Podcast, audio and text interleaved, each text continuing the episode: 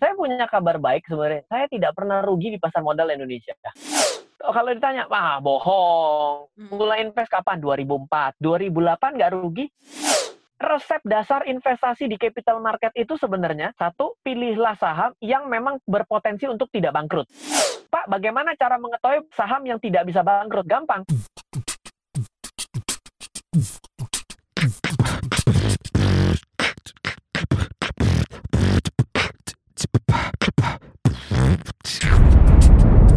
Cuap-cuap cuan.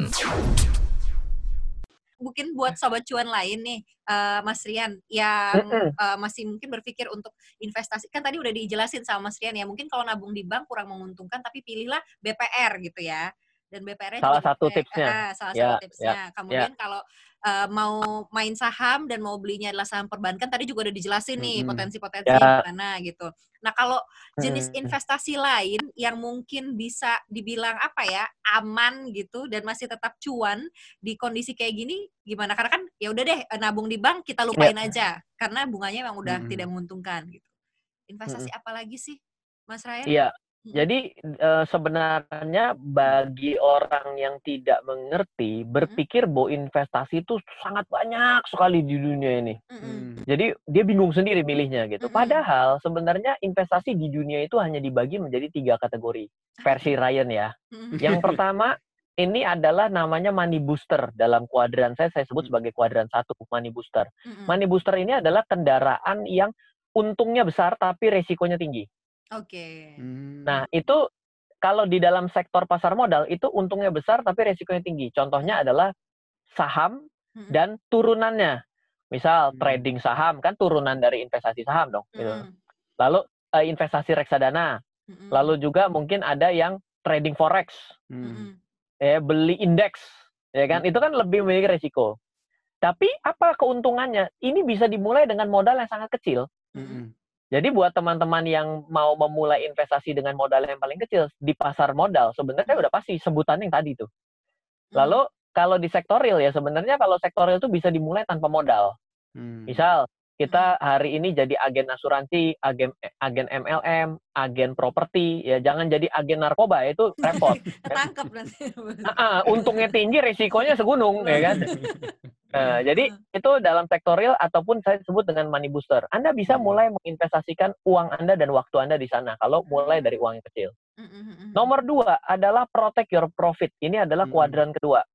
Kesalahan orang itu biasanya karena takut sekali uangnya hilang, dia nggak Hmm. memulai dari kuadran satu yang tadi, tapi langsung lompat di kuadran kedua. Saya mau uang saya aman lah, saya nabung saja. Yang namanya nabung itu bagian dari kuadran dua. Hmm. Di mana kalau yang namanya protect your profit itu adalah segala sesuatu yang menghasilkan pendapatan pasti.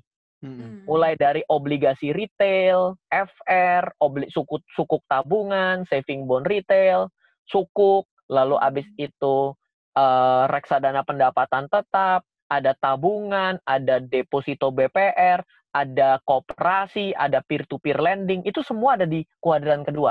Hmm. Tapi pastikan Anda sudah pernah merasakan untung di kuadran satu, Mm-mm. untungnya boleh digeser ke sini. Oh gitu.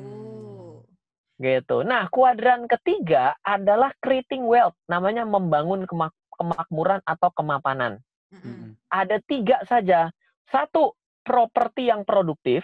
Hmm. Mm-mm. Tempat tinggal Anda bukan properti yang produktif, kecuali dibuat dagang soto depannya. Iya. Atau Jadi di kos-kosin. Iya. Di kos-kosin. Nah, kalau kos-kosin khusus wanita, saya bapak kosnya, jangan khawatir ya. Karena saya perhatian, karena saya perhatian. Siap. Lalu properti yang produktif. Yang kedua adalah business and acquisition. Hmm. Misalnya, oh bagus tuh minimarket, udah saya beli franchise minimarket. Mm. Biarkan let money grow lah, bisnisnya jalan, saya cuma tinggal invest saja, mengakuisisi yang sudah jalan. Mm. Lalu yang ketiga adalah hedging lindung nilai. Hmm. Orang kaya itu bukan bagaimana caranya untung besar, tapi bagaimana caranya dia menghi- menghilangkan ketidakpastian. Hmm. Mm. Gitu. Jadi sebenarnya kendaraan investasi udah gitu doang. Mbak, Mm. jadi tinggal sekarang berkaca, duit saya di mana kemampuannya? Oke. Wah, saya mulainya dari nol, dari aktif income. Ya sudah, mulai dari kuadran satu. Yang money Hmm. booster tadi berarti. Betul. Hmm. Tapi kalau Pak, saya mah udah mampu beli kos-kosan seribu pintu. Oh, gile. Lawang sewu di Semarang ya kan. Langsung yang nomor tiga berarti tadi ya. Langsung nomor tiga Hmm. gitu. Business acquisition, beli saham jangan cuman belinya eh, satu lot, tapi langsung beli 10% kepemilikan. Nah, Hmm. Gitu. kan langsung terkenal ya kan. ya langsung masuk koran ya. Langsung, diwawancara. Ya kan. Bapak ini nomor duanya Warren Buffett Indonesia kan nomor satu udah ada. Sampai sekarang masih ya. Tak dikalahkan. Nomor duanya Iya. Mas Ryan nih kayaknya. Oh jangan, kita beda. Kita tokoh edukatif ya kan. Kita Oh. mengedukasi ya kan. Gitu. Oke. Mas Ryan, ini di share dong ke apa sih namanya pengalaman u- eh, selama berinvestasi di pasar modal gitu. Maksudnya apakah apakah berinvestasi saham itu resikonya sebesar itu? Mas. Ryan pernah nggak sih mengalami loss yang sebesar itu gitu? Baik. Flashback dulu Saya sering sekali flashback. ditanya gini. Iya. Ah, ini nggak pakai flashback pertanyaannya tiap Oh. minggu ditanya gini pusing juga. eh. Pak kasih motivasi gimana deh motivasi motivasi tuh duit anda nambah tuh motivasi saya bilang. Oke gitu. Jadi Gimana, saya Ryan? punya saya punya kabar baik sebenarnya. Saya tidak pernah rugi di pasar modal Indonesia. Hmm. Saya dari 2000 Gimana tuh dari caranya? 2000 Ah, iya nggak apa iya. Bur- Bursa Efek Indonesia itu benar-benar jarang turun Bapak Ibu. Oh.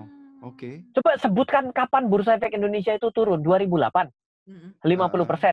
2009 sudah break even. Mm-mm. Hmm. 2020 Satu tahun. ini Mas Ryan?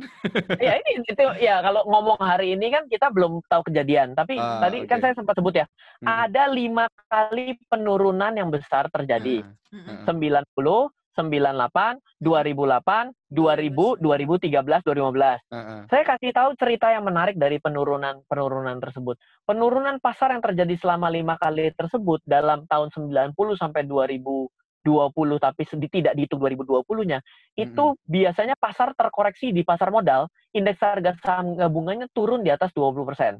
Hmm. Oke. Ditanya dong, berapa lama Ryan dia turun sampai titik terendah? Saya kasih tahu rata-rata satu setengah tahun. Hmm. Oke, pertanyaannya jangan sampai situ, tapi tanyakan selanjutnya. Kalau udah turun, baliknya berapa lama sampai titik semula? Hmm. Rata-rata 2 sampai tiga kali lipat. Jadi kira-kira baru balik modal balik ke titik awal itu sekitar 2 sampai tiga tahun. Hmm. Jadi Oke. kalau misalnya, nah, ah, jadi sebenarnya menenangkan. Hmm. Kan kita anda kan misalnya gini kita bilang bulan Maret kemarin ada yang terendah ya lumayan. Berarti kan hari ini sudah lewat 4 bulan. Hmm. Berarti masih ada dua ta- tiga tahun potong 4 bulan kesempatan kita untuk beli. Mm-mm. Ya kan, jadi kan kalau kita melihat dari sudut pandang yang positif kan kita bisa selalu seperti itu gitu. Hmm. Meskipun kita memang tidak pernah tahu benar nggak sih akan kembali, tapi Hmm. kalau saya bilang ya negara berkembang seperti Indonesia itu kan tidak mengandalkan yang namanya eh, ekspor impor Be- berbeda seperti yang negara Singapura. Hmm. Mm-mm. Negara Singapura itu kan perlu sekali untuk mengirim barang ke luar negeri Hmm. Karena dia itu kan tanda kutip negara para calo, tanda bro, tanda kutip broker. Barang barang made in Indonesia yang jual orang Singapura lebih dipercaya daripada orang Indonesia yang jual Singapura jual barang di Langsung. jual langsung. Hmm. Lucu kan gitu kan? Hmm. Jadi beda kita ini kultur beda kita ini kalau kita benar-benar cintailah produk-produk dalam negeri Hmm. Mm-mm. ini seperti iklan ya ini aman sentosa Hmm. Jadi kita konsumsi apa yang kita produksi gitu ya. Eh, udah jalan perekonomian jalan dengan sendirinya Hmm. tanpa perlu ekspor impor Hmm. gitu jadi sebenarnya kita ini tangguh kita ini kuat cuma kadang kita ini kurang cinta terhadap negara kita Hmm. Kuncinya di situ jadi kalau saya ditanya apakah investasi di Indonesia pernah rugi saya punya kabar baik saya tidak pernah rugi Hmm. Mm-mm. Oh, kalau ditanya, wah bohong. Hmm. Mulai invest kapan? 2004. 2008 nggak rugi, turun betul. Tapi Mm-mm. tahun depannya sudah balik kan, jadi masa rugi? Hmm. Iya dong. Nggak rugi. Kalau ditanya, Ryan, dalam dalam kehidupan Ryan selama 16 tahun mengenal dunia keuangan, pernah rugi nggak? Pernah. Hmm. Saya rugi bukan di instrumen saham, tapi di instrumen turunan saham. Turunannya, derivatifnya, Hmm. transaksi option itu rugi ya. Tapi jangan tanya trading ya. Kalau trading kan pasti ada untung, ada rugi. Hmm. Kalau invest nggak nggak ru- nggak rugi. Kan kalau Oh. trading itu kan begitu turun harus dijual jual. Hmm. Beda ceritanya nih. Tapi kalau invest nggak nggak rugi. Hmm. Oke. Jadi saya sus- ke- eh, susah untuk "Kak, gimana ngomongnya gitu. Tapi Saya begini, waktu 2008 ada uh, mungkin teman-teman agak sedikit berbeda dengan saya. Waktu 2008 itu ada terjadi pasar tidak uh, namanya kan uh, auto reject bawah yang dihentikan, Mm-mm. market halting kan. Kemarin Iya. kita pernah terjadi gitu ya. Trading halt. Saya- Ya. Uh, uh, dan saya pernah terjadi juga itu saya dulunya sebelum 2008 dari 2004 itu saya benar-benar trading for living loh. Hmm. Saya benar-benar trading Hmm. doang tiap hari hanya untuk dapat uang. Hmm. Dan di 2008 tuh saya sadar, ih kok begitu market stop begini saya nggak dapat pendapatan, gimana nasib saya ya, Hmm. gitu ya. Hmm. Mulai hari itulah mulai belajar investasi. Hmm. Nah, Dan apa yang saya rasakan adalah ketika 2008 market turun, saya itu jadi sadar, oh ternyata ada pasar yang parah begini turunnya ya. Hmm. Hmm. Dan saya belajar mengenai pemetaan krisis di dunia mulai dari 2008 itu. Hmm. Dan saya belajar dari tahun 1890 dari Standard Poor's 500. Belajar Apa yang menarik? Iya, iya. Kenapa? Karena kalau kita tidak pernah mengenal sejarah, Hmm. kita tidak pernah mengenal masa depan. Kenapa? Karena masa depan itu hanya terjadi dari modifikasi sejarah masa lalu. Gak ada sesuatu yang baru di dunia ini. Mm-mm. Hanya sesuatu evolusi atau revolusi atau modifikasi dari yang pernah ada. Betul. Hmm. Iya dong, dulu kirim surat pakai merpati pos, ah lama, sekarang email. Mm-mm. Konsepnya tetap sama Eh, gitu ya. ini. Konsepnya sama, kirim surat juga gitu loh. Mm-mm. Jadi kita itu harus belajar sejarah agar kita tuh tahu. Yang bagus kenapa dari kita belajar sejarah, kita tuh jadi tahu, oh ternyata tuh kelakuan pasar tuh sama. Market turun, orang panik, berita ribet, ribut, semua orang jualan, gak taunya balik. Hmm. Saya punya cerita yang bagus ketika eh, teman-teman mungkin membuka pa- pasar dunia, Mm-mm. maka Hmm. melihat suatu penurunan pasar yang disebut dengan deep recession Mm-mm. dan juga ada namanya Black Friday lah atau Hmm. whatever. Itu tuh adalah suatu peringatan-peringatan masa lalu pasar yang turunnya parah. Mm-mm. Dan kalau Anda buka itu tahun 1972, itu adalah market paling parah turun di Amerika. Kenapa parah? Karena kalau ada orang tahun 72 beli saham. Mm-mm. dan dia pas beli di titik tertinggi dan dia itu baru dan dia menangis di 72, aduh saya rugi karena beli saham. Itu dia akan nangis sampai 82 karena baru baru balik modal 10 tahun. Buset, 10 10 tahun. Mati nggak lo gitu kan? Iya. Ah, Tapi ada hal yang menarik. Mm-mm. Ada orang kedua yang dia beli juga di 72. Aduh, saya beli di titik tertinggi dia nangis juga. Tapi 73 dia bilang, "Oke, saya tahu. Saya sudah beli di titik tertinggi, tapi saya mau tetap invest ah, saya invest juga dengan nilai yang sama." Hmm. 74 dia lakukan hal yang sama. 75 dia lakukan hal yang sama. Mm-mm. Belum nyampe tahun 76, dia sudah mulai plus portofolionya. Hmm. Apa pesan moralnya? Pesan moralnya adalah ketika pasar turun, Anda harus tetap membeli. Hmm. Kenapa kata once ba- once dia ngebounce, bounce back, itu dia bisa lebih dia lebih cepat untungnya dibandingkan orang yang menangis karena pernah membeli di titik tertinggi. Hmm. Studinya dilanjutkan ke bursa Asia, yaitu Hmm. Nikkei. Hmm. Tahun 1990, bila ada orang yang membeli tahun 90 bursa Nikkei, Mm-mm. sampai hari ini dia akan nangis terus sampai kering tuh air mata. Kenapa? Karena bursa Nikkei-nya belum balik ke harga Hmm. 90. Mm-mm. Mm-mm. Tapi studi yang sama kalau dilakukan, bila dia ternyata tetap berinvestasi, membeli setiap tahun saja loh, jangan setiap bulan deh, setiap tahun dulu nih ya. Ternyata dia begitu tahun 2000-an, dia sudah merasakan portofolio positif. Hmm. Jadi resep dasar investasi di capital market itu sebenarnya, satu, pilihlah market, pilihlah saham yang memang berpotensi untuk tidak bangkrut. Mm-mm. Mm. Iya dong? Iya. Karena kan kita tidak bisa membeli indeksnya, yang kita bisa beli adalah sahamnya. Mm-mm. Mm-mm. Ya gampang Pak, bagaimana cara mengetahui pasar ya saham yang tidak bisa bangkrut? Gampang, mau investasi berapa? 20 tahun. Berarti 20 tahun yang lalu perusahaan itu harus sudah ada. Hmm. Oke. Kan logis, sesuatu masa lalu ke belakang kalau ditarik masa depan akan sama. Yang kita Hmm. lihat kan bisa begitu kan? Mm-mm. Tapi kalau yang baru dua bulan yang lalu ber- berdiri perusahaannya, mau diinvest 20 tahun, lah ya iya logikanya di mana?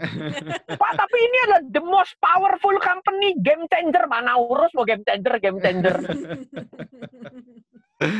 Ini kayaknya kayaknya eh, aku nangkep dikit ini pesan moralnya Mas Ryan dari cerita tentang krisis ini. Kalau udah beli di titik tertinggi, ya harus santuy kayaknya ya Mas. Ryan-nya. Beli lagi, Santuy beli dan lagi. tetap beli beli lagi lagi. gitu harus ya. sabar, Harus sabar, iya. Kan saya tadi bilang bahwa investment Mm-mm. is a lifestyle. Coba Mm-mm. deh, kalau ada orang yang gagal diet, itu karena dia tidak jadikan diet sebagai gaya hidup. Oh, Mm-mm. betul. Saya merasa tersindir. eh nggak ngomong gitu loh mbak. ya memang tapi betul sih memang karena kan maksudnya kalau misalnya itu udah jadi habit kita gitu ya Mas Ryan ya akan memang lebih mudah aja gitu Mm, menghadapi mm, mm. apa pun lebih Betul. Kalau Ah. iya, kalau dia misalnya dia hari ini dia tahan nggak makan, besok tahan nggak makan, berat badannya turun, dia happy. Begitu hari ke-10 dia balas dendam makan sebanyak-banyaknya. Ya Hmm. meledak lagi, batal diet. Tapi kalau dia biasa untuk makan secukupnya, dia invest secara terus-menerus, Mm-mm. menjaga rasio keuangannya, pendapatannya sekian, Mm-mm. spending sekian, invest sekian, dana darurat sekian, untuk eh, sedekah sekian, untuk hutang sekian, itu nggak ada apa-apa. Hmm. Percaya deh, dicoba. Kalau kita tidak coba, ini dianggap sebagai motivasi. Tapi ketika kita coba, ini adalah common practice yang harus dilakukan. Hmm. Oke. Mas Ryan kalau boleh kayak closing statement gitu atau mungkin wejangan buat sobat cuan yang mungkin berpikir masih kayak eh, kan tadi kalau Mas Ryan bilang investasi itu apa aja asal ada Mm-mm. uangnya gitu ya. Tapi kalau Iya. misalnya sobat cuan yang mungkin masih mikir iya nggak ya eh, apa namanya investasi gitu. Apakah ini saat yang tepat? Apakah gue nabung aja? Pokoknya sobat cuan yang masih ragu-ragu untuk berinvestasi gitu. Apa Mm-mm. nih statement atau wejangan dari Mas Ryan? Ya, saya mau cerita suatu pengalaman ketika tahun 2008 terjadi. Saya Hmm. punya seorang teman yang sebenarnya teman yang suka ngelihat temannya susah. Ini orang kurang ajar sebenarnya bukan teman gua jadinya. Jadi waktu pasar turun dia tahu saya sudah saya sudah ada di pasar modal. Dia telepon saya, "Wih, Ryan turun ya. Aduh, parah nih." Mm-mm. Mm-mm. Iya, iya bener ini lagi turun saya bilang. Mm. Waduh, kalau kayak gini berarti oke dong untuk dibeli dia bilang gitu tuh. Mm-mm. Saya bilang, "Oh iya kan udah murah, bagus dong dibeli." Gitu kan. Terus tapi dia bilang, "Ah, tapi eh, ini subprime mortgage belum selesai loh. Mm. Bahaya ini." Nanti kalau naik dikit deh saya beli. Sekarang saya jangan beli dulu. Jadi dia hanya nanya kabar udah bunuh diri atau belum lah intinya begitu. Lewat tuh 2008. 2009. Begitu 2009 barang bener naik, semua naik. As- Saya ingat sekali beberapa perusahaan-perusahaan 100% returnnya dia telepon. Aduh kenapa ya kemarin saya nggak beli dia bilang. Hmm, nyesal. Kenapa ya. saya nggak beli? Iya, kenapa saya nggak beli? Eh gimana nih Ryan kalau sekarang saya beli masih ada peluang nggak untuk naik? Oh ya ini recovery-nya masih akan terus nih. Kelihatan sekali bahwa negara kita sudah mulai lebih baik. Oh tapi subprime mortgage belum selesai loh. Akan ada second wave bla bla bla bla. Nah ini orang nanya apa nguliahin dalam hati saya. Nanti kalau turun dikit dah saya beli dia bilang. Mm. Tutup telepon. Udah ini kan udah telepon kedua ya. Iya. Telepon ketiga. Telepon ketiga itu dia 2009 bener ada turun. Wah langsung telepon saya. Tuh kan apa gua bilang untung gua ngikutin lo lah. Gimana sih? Eh, Mm. dia- saya juga bingung. Hmm. Kenapa? eh, gimana nih kalau sekarang nih bener turun nih sekarang waktunya untuk dibeli? Ya udah Hmm. bener loh kan kemarin bilang waktu turun mau beli saya bilang. Hmm. Tapi ini kalau turun lebih dalam lagi bisa lebih parah loh dari 2008. ya udah, iya deh terserah lu dah saya bilang. Jadi. Tutup telepon, tutup telepon. Dan sampai hari ini dia nggak pernah telepon saya lagi dan pasar sampai hari ini lebih parahnya pun barang-barang yang dia tadinya mau beli pun tidak pernah sampai di harga 2009. Mau apa lu? Hmm. Hmm. Betul? Iya. Ya, artinya adalah ketika kita belum melakukan pembelian, kita akan selalu takut, takut rugi. Ketika harganya naik, kita akan selalu takut barangnya turun. Selalu begitu. Mm-mm. Hmm. Itu tuh psikologi. Mm-mm. Hmm. Jadi kalau misalnya mulai tuh jangan juga nekat. Punya uang berapa? 100 juta. Masukin langsung 100 juta. Itu namanya udah nggak ngerti nekat pula. Jangan. Tapi mulailah dengan yang namanya test the water. Wah, celupin kaki dulu. Wah, anget nih, enak. Oh, nyaman nih. Arusnya nggak terlalu nggak terlalu deras. Begitu rada salah, oh saya mesti beli yang lain. Hmm. Mulailah berapa? 10 juta dulu. Oh iya, oke, uangnya tambahin lagi 15 juta, mulai lagi 20 juta. Dengan itu kita memiliki pengetahuan ketika uangnya masuk. Orang itu nggak akan pernah lebih ngerti ketika dia sudah pencet tombol buy, tiba-tiba paham deh. Hmm. gitu ya. Jadi Gitu. mending Nggak langsung bisa diceritain. Heeh. Nggak bisa diceritain. Sama kalau saya bilang, bagaimana caranya untuk narik uang di ATM? Wah, susahnya luar biasa loh. Bisa dua lembar tuh. Bawa kartu ATM-nya, pergi jangan salah lihat banknya, inget nggak PIN-nya, masukinnya jangan di tempat stroke, di tempat kartunya. Begitu keluar jangan lupa nanti pencet tiga kali jangan sampai salah. Kalau mau tarik, waduh, Panjang. Sesusah itu? Iya. Heeh. sesusah itu enggak juga. Enggak, Jadi, ketika dilaksanakan enggak ternyata simpel. enggak. Hmm. Takut kan? Takut ketelan kartunya kan? Ah. Betul, iya. Tapi berapa kali ya teman-teman pernah ketelan kartunya sama salah karena masukin PIN? Sedikit kali. Mm-mm. Hmm. Gitu. Jadi Jadi komentator di dalam keuangan. Karena Hmm. komentator di keuangan itu adalah hal yang paling merugikan kita. Hmm. Mm-mm. Hmm. Waduh, udah turun, nanti takut turun lebih dalam. Begitu naik, waduh saya takut ya kalau ini saya jual sekarang, barangnya lebih naik lagi, lebih nyesel lagi. Begitu turun dijual, dia balik lagi loh. Kalau gini kok saya salah terus dalam hidup gitu. Jadi intinya adalah jump in aja gitu ya, rasakan sendiri. Turn in. Hmm. Start small, jangan nekat. Hmm. Gitu. Itu dia tadi. Siap, start small, jangan nekat. Jangan nekat dan langsung dipraktekin aja gitu sobat Mm-mm. cuan ya. Iya, pelan-pelan aja. Beli Sama kalau satu, besok dua lot. Tetap berinvestasi gitu ya. Heeh. Santuy Ah, aja. ketik Ah, yang penting jangan sampai dibalik antara investasi dan trading. Banyak Hmm. orang yang investasi diganti trading, begitu trading udah untung dia bilang oh ini saatnya trading, begitu dia rugi dia bilang dia invest. Ya, orang ngomong aja terus ya. harus konsisten juga gitu ya dan tahu niatnya dari Betul. awal tuh apa gitu ya. Bang. Betul, betul. gitu sobat cuan semoga aja Mm-mm. ini apa membuka lagi ya pikiran-pikiran sobat cuan mungkin yang jadi ragu-ragu yang aduh gue trading apa gue invest apa Mm-mm. gimana apa gue mulai sekarang atau nanti nah ini tercerahkan nih dengan perbincangan Mm-mm. kita bersama dengan Mas Ryan Filbert Mm-mm. dan Mas Ryan kalau misalnya Hmm. eh, sobat cuan mau tahu lebih lanjut lagi bisa ke YouTube ya Mas Ryan ya Boleh ada podcastnya Mas. Ryan Mm-mm. Podcast ada. Hmm, terus Kita lengkap kok. Instagram ada, ada, eh, Telegram nomor ada WA pun ya. saya ada. Nomor WA pun saya. YouTube-nya suka Iya. disebut gitu kan Ada, eh, silakan, silakan. jadi kalau Baca buku saya. Mm-mm, bukunya juga ada kalau sobat cuan pengen lebih Iya. lanjut lagi bisa lah Boleh. dicari deh Mas Ryan Silakan. gitu ya Silakan. praktisi dan inspirator kalau misalnya. Eh, banyak orang-orang bilang kayak gitu jadi untuk dapatkan inspirasi lebih banyak lagi langsung aja ke tempat-tempatnya Mas Ryan tadi ya apa eh, Siap. platform-platformnya dan juga jangan lupa follow Spotify Job Job Cuan kita promo dong apa Siap. ya Mas Ryan ya? Oh, boleh dong. Job Job Cuan, kemudian juga IG Siap. CNBC Indonesia dan di YouTube juga ada Job Job Mm-mm. Cuan Oke. gitu. Mm-mm. Saya Alin Siap. pamit. Saya Dan juga Daniel Wiguna pamit. Terima kasih banyak Mas Ryan buat Sama-sama. informasi dan insight-nya terutama di bidang perbankan dan juga investasi saham. Mm. Sukses selalu buat Mas Ryan. Ya, Sama-sama. Sobat Cuan, dah Mas Ryan. Dadah. Salam cuan. Terima kasih. Oke.